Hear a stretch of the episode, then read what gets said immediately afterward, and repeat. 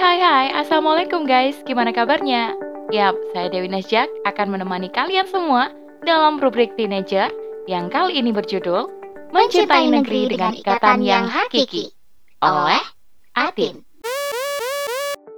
Harus ada sebuah ikatan yang bisa menumbuhkan kebangkitan kepada manusia yang tidak hanya memunculkan rasa cinta kepada tanah air, tetapi cinta kepada sesama manusia tanpa memandang suku, golongan, ras, maupun negaranya. Pada dasarnya, semua perbedaan tersebut tidak bisa menghalangi untuk saling mengikatkan manusia satu dengan lainnya, melainkan akan melebur dalam sebuah ikatan yang benar dan kokoh, yakni ikatan akidah Islam. Selengkapnya, jangan ke mana-mana ya guys, tetap stay tune terus di podcast Narasi Pos Media. Narasi Pos, cerdas dalam literasi media, bijak menangkap peristiwa kunci. Bukan dari golongan kami orang-orang yang menyerukan asobiah. Bukan dari golongan kami mereka yang berperang atas nama asobiah. Dan bukan golongan kami orang-orang yang mati karena asobiah. Hadis riwayat Abu Dawud. Hai sob, makin ke sini makin banyak narasi-narasi yang mengajak kepada asobiah ya. Narasi-narasi yang muncul dikemas sedemikian rupa agar terlihat indah, menarik, dan terkesan bahwa itu sesuatu yang baik. Wah, pasti bikin orang penasaran dan ingin mengikutinya ya sob. Nah, pas banget. Hal itu disuarakan bersamaan dengan peringatan ulang tahun kemerdekaan Republik Indonesia ke-77. Ada pembagian bendera merah putih dalam jumlah ribuan di Kabupaten Karimun, Kepulauan Riau. Lebih tepatnya ada 2000 bendera yang dibagikan oleh Gubernur Kepulauan Riau Haji Anwar Ahmad. Hal itu dilakukan untuk menyemarakan hari ulang tahun kemerdekaan Republik Indonesia ke-77. Pembagian bendera tersebut adalah komitmen Ansar Ahmad sebagai gubernur dalam rangka mendukung gerakan pembagian 10 juta bendera merah putih yang digagas oleh Kementerian Dalam Negeri. Nah, dalam kunjungan kerjanya tersebut, Ansar mengatakan bahwa pembagian bendera merah putih merupakan upaya pemerintah untuk menumbuhkan kesadaran bela negara, rasa cinta tanah air, dan meningkatkan nasionalisme pada masyarakat. Bendera merah putih juga merupakan simbol, identitas, dan alat pemersatu bangsa. Pembagian bendera tersebut dilaksanakan pada Minggu 14 Agustus 2022. Berarti memang ada sesuatu di balik pembagian bendera tersebut ya, Sob? Waduh, berarti ada udang di balik batu dong. Memang ada sob, yaitu supaya kita semua memiliki rasa cinta tanah air yang menumbuhkan semangat bela negara demi sebuah ikatan yaitu nasionalisme alias kebangsaan. Ikatan ini membuat perasaan manusia terlalu mengagungkan bangsanya sendiri dan menganggap bangsa-bangsa lain lebih rendah. Perlu diketahui dan dicatat ya sob, ternyata nasionalisme itu merupakan bagian dari asobiah. Asobiah atau taksub adalah istilah dalam Islam yang artinya fanatik buta. Taksub bukanlah sebuah kenikmatan ataupun sebuah keagungan, melainkan sebuah penyakit yang secara sadar atau tidak sadar mampu menginfeksi siapa saja.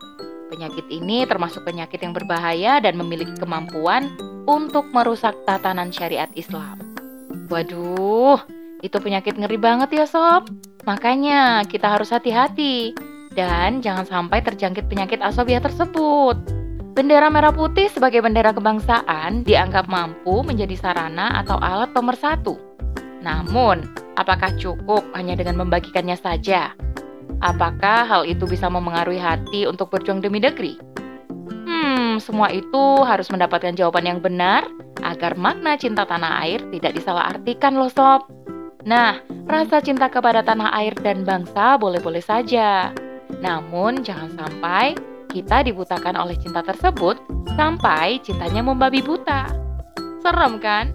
Makanya, rasa cinta yang ada harus memiliki ikatan yang kuat dan kokoh Jangan sampai kita menggunakan ikatan yang salah, karena bisa menyebabkan rasa cinta yang ada bisa luntur bahkan menghilang. Rasa cinta kepada tanah air yang diikat oleh ikatan nasionalisme ternyata nggak bisa dijadikan sebagai ikatan yang kokoh. Loh, kok bisa? Gini, sebab ikatan nasionalisme atau kebangsaan itu bersifat lemah. Salah satu kelemahannya adalah ketidakmampuan mempersatukan manusia secara permanen. Ikatan ini bersifat temporal yaitu muncul saat ada ancaman dari luar terhadap eksistensi suatu komunitas. Adanya penjajahan, persaingan, atau benturan budaya adalah stimulan yang ampuh untuk menumbuhkan ikatan nasionalisme tersebut. Contohnya nih, keberhasilan Soekarno dalam menggelorakan rakyat Indonesia dalam melawan penjajah Belanda. Maka, ketika penjajah Belanda berhasil diusir dari negeri ini, ikatan nasionalisme tersebut sudah tidak ada lagi. Ikatan tersebut sudah hilang karena sudah tidak ada lagi ancaman yang mengganggu keamanan dan kedaulatan bangsa dan negara. Waduh, ternyata nggak ada yang tersisa dari ikatan nasionalisme ini kan Sob? Nah, ikatan ini tidak meninggalkan apa-apa di dalam hati dan perasaan manusia. Di samping itu, ikatan ini juga tidak akan meninggalkan kenangan manis di dalam dada. Hmm, bucin sekali ya sob. Jadi kesimpulannya jelas banget. Ternyata ikatan nasionalisme tidak bisa dijadikan ikatan yang benar dalam hal apa pun. Rasa cinta kepada tanah air tidak akan tertanam dalam benak, kecuali negara dalam keadaan darurat atau terancam. Akhirnya, semua kembali seperti sedia kala. Semua orang kembali menjalani hidup masing-masing. Ikatan nasionalisme tidak berlaku untuk persoalan-persoalan yang muncul. Padahal, banyak sekali persoalan yang menumpuk dan membuat manusia terpuruk loh. Persoalan-persoalan tersebut tidak mungkin bisa diselesaikan dengan ikatan nasionalisme. Ya, kita mungkin sudah merdeka ya sob, meskipun baru merdeka secara fisik. Penjajah juga sudah 77 tahun pergi dari negeri ini. Namun, sisa-sisa dari penjajahan masih banyak yang tertinggal. Hal itu membuktikan bahwa bangsa ini belum merdeka seutuhnya. Bangsa ini dijajah bukan lagi dengan senjata maupun berperang satu lawan satu, tapi penjajahan ini berbentuk pemikiran-pemikiran kufur. Salah satunya adalah aturan hukum yang diterapkan di negeri ini yang masih menggunakan undang-undang warisan penjajah. Bukan itu saja, sob aturan-aturan yang ada di tengah-tengah masyarakat juga banyak yang mengadopsi pemikiran ala barat. Hal itu bisa kita lihat dari ide kebebasan yang semakin gencar dikampanyekan. Bagaimana kebebasan individu mendapat perlindungan dari negara terkait dengan kebebasan berpendapat, berperilaku, dan beragama. Lantas, dengan munculnya berbagai pemikiran kufur, bisakah diselesaikan dengan pembagian bendera? Jawabannya pasti tidak mungkin, ya kan? Pembagian bendera juga tidak mungkin mampu menumbuhkan kesadaran bahwa negeri dalam bahaya besar. Bahaya itu berupa perampasan SDA yang begitu melimpah oleh asing. Sumber daya alam yang seharusnya dinikmati oleh rakyat ternyata dikuasai oleh sekelompok orang dan golongannya, sob. Tidak cukup sampai di situ sih. Ternyata ikatan kebangsaan yang dibangga-banggakan juga berhasil membuat saudara-saudara sesama muslim di belahan bumi yang lain menderita tanpa ada yang membela. Hal itu bisa dilihat dari banyaknya pemberitaan tentang kondisi saudara-saudara kita di Uighur, Rohingya, Palestina, India, dan juga negeri-negeri lainnya. Bagaimana penindasan dan kezaliman yang dilakukan oleh orang-orang kafir kepada mereka? Sungguh di luar batas kemanusiaan, hanya karena mereka berusaha untuk menjalankan kewajibannya sebagai seorang muslim. Rasa aman di dalam menjalankan ibadah menjadi barang langka hanya karena mereka beragama Islam. Semua itu begitu jelas terlihat di depan mata, tetapi kita hanya bisa mengelus dada dan mendoakan mereka. Sekat-sekat negara bangsa benar-benar menghancurkan rasa empati terhadap sesama sob. Hati nurani sudah diracuni ikatan yang keliru. Hal itu terjadi karena adanya anggapan bahwa mereka bukan bagian dari kita, serta jarak yang begitu jauh yang terhalang oleh ruang dan waktu. Padahal sob, Rasulullah Shallallahu Alaihi Wasallam telah bersabda, perumpamaan orang-orang Muslim dalam hal kasih sayang dan tolong menolong yang terjalin di antara mereka adalah laksana satu tubuh. Jika satu bagian merasakan sakit, maka seluruh bagian tubuh akan bereaksi dengan tidak tidur dan demam. Hadis riwayat Muslim. Begitu juga dengan generasi negeri ini yang terlena oleh budaya hura-hura dan gaul bebas tanpa memikirkan masa depan bangsa ini. Padahal, generasi muda adalah calon-calon pemimpin yang seharusnya membawa negeri ini kepada perubahan yang lebih baik. Benar-benar sudah sangat memprihatinkan kondisi yang menimpa negeri ini, Sob. Semua yang terjadi tentu ada penyebabnya. Ternyata, ikatan nasionalisme adalah hasil dari ide kufur kapitalisme liberal. Ide ini mengajarkan bahwa bangsa sendiri lebih unggul dari bangsa yang lainnya. Ide kufur ini juga lebih mementingkan urusan dalam negeri suatu bangsa. Bagi pengusung ide ini, persoalan bangsa sendiri sudah banyak. Oleh karena itu, tidak perlu memikirkan keadaan bangsa lain. Sifat egois lebih mendominasi, sehingga rasa kepedulian tidak ada lagi.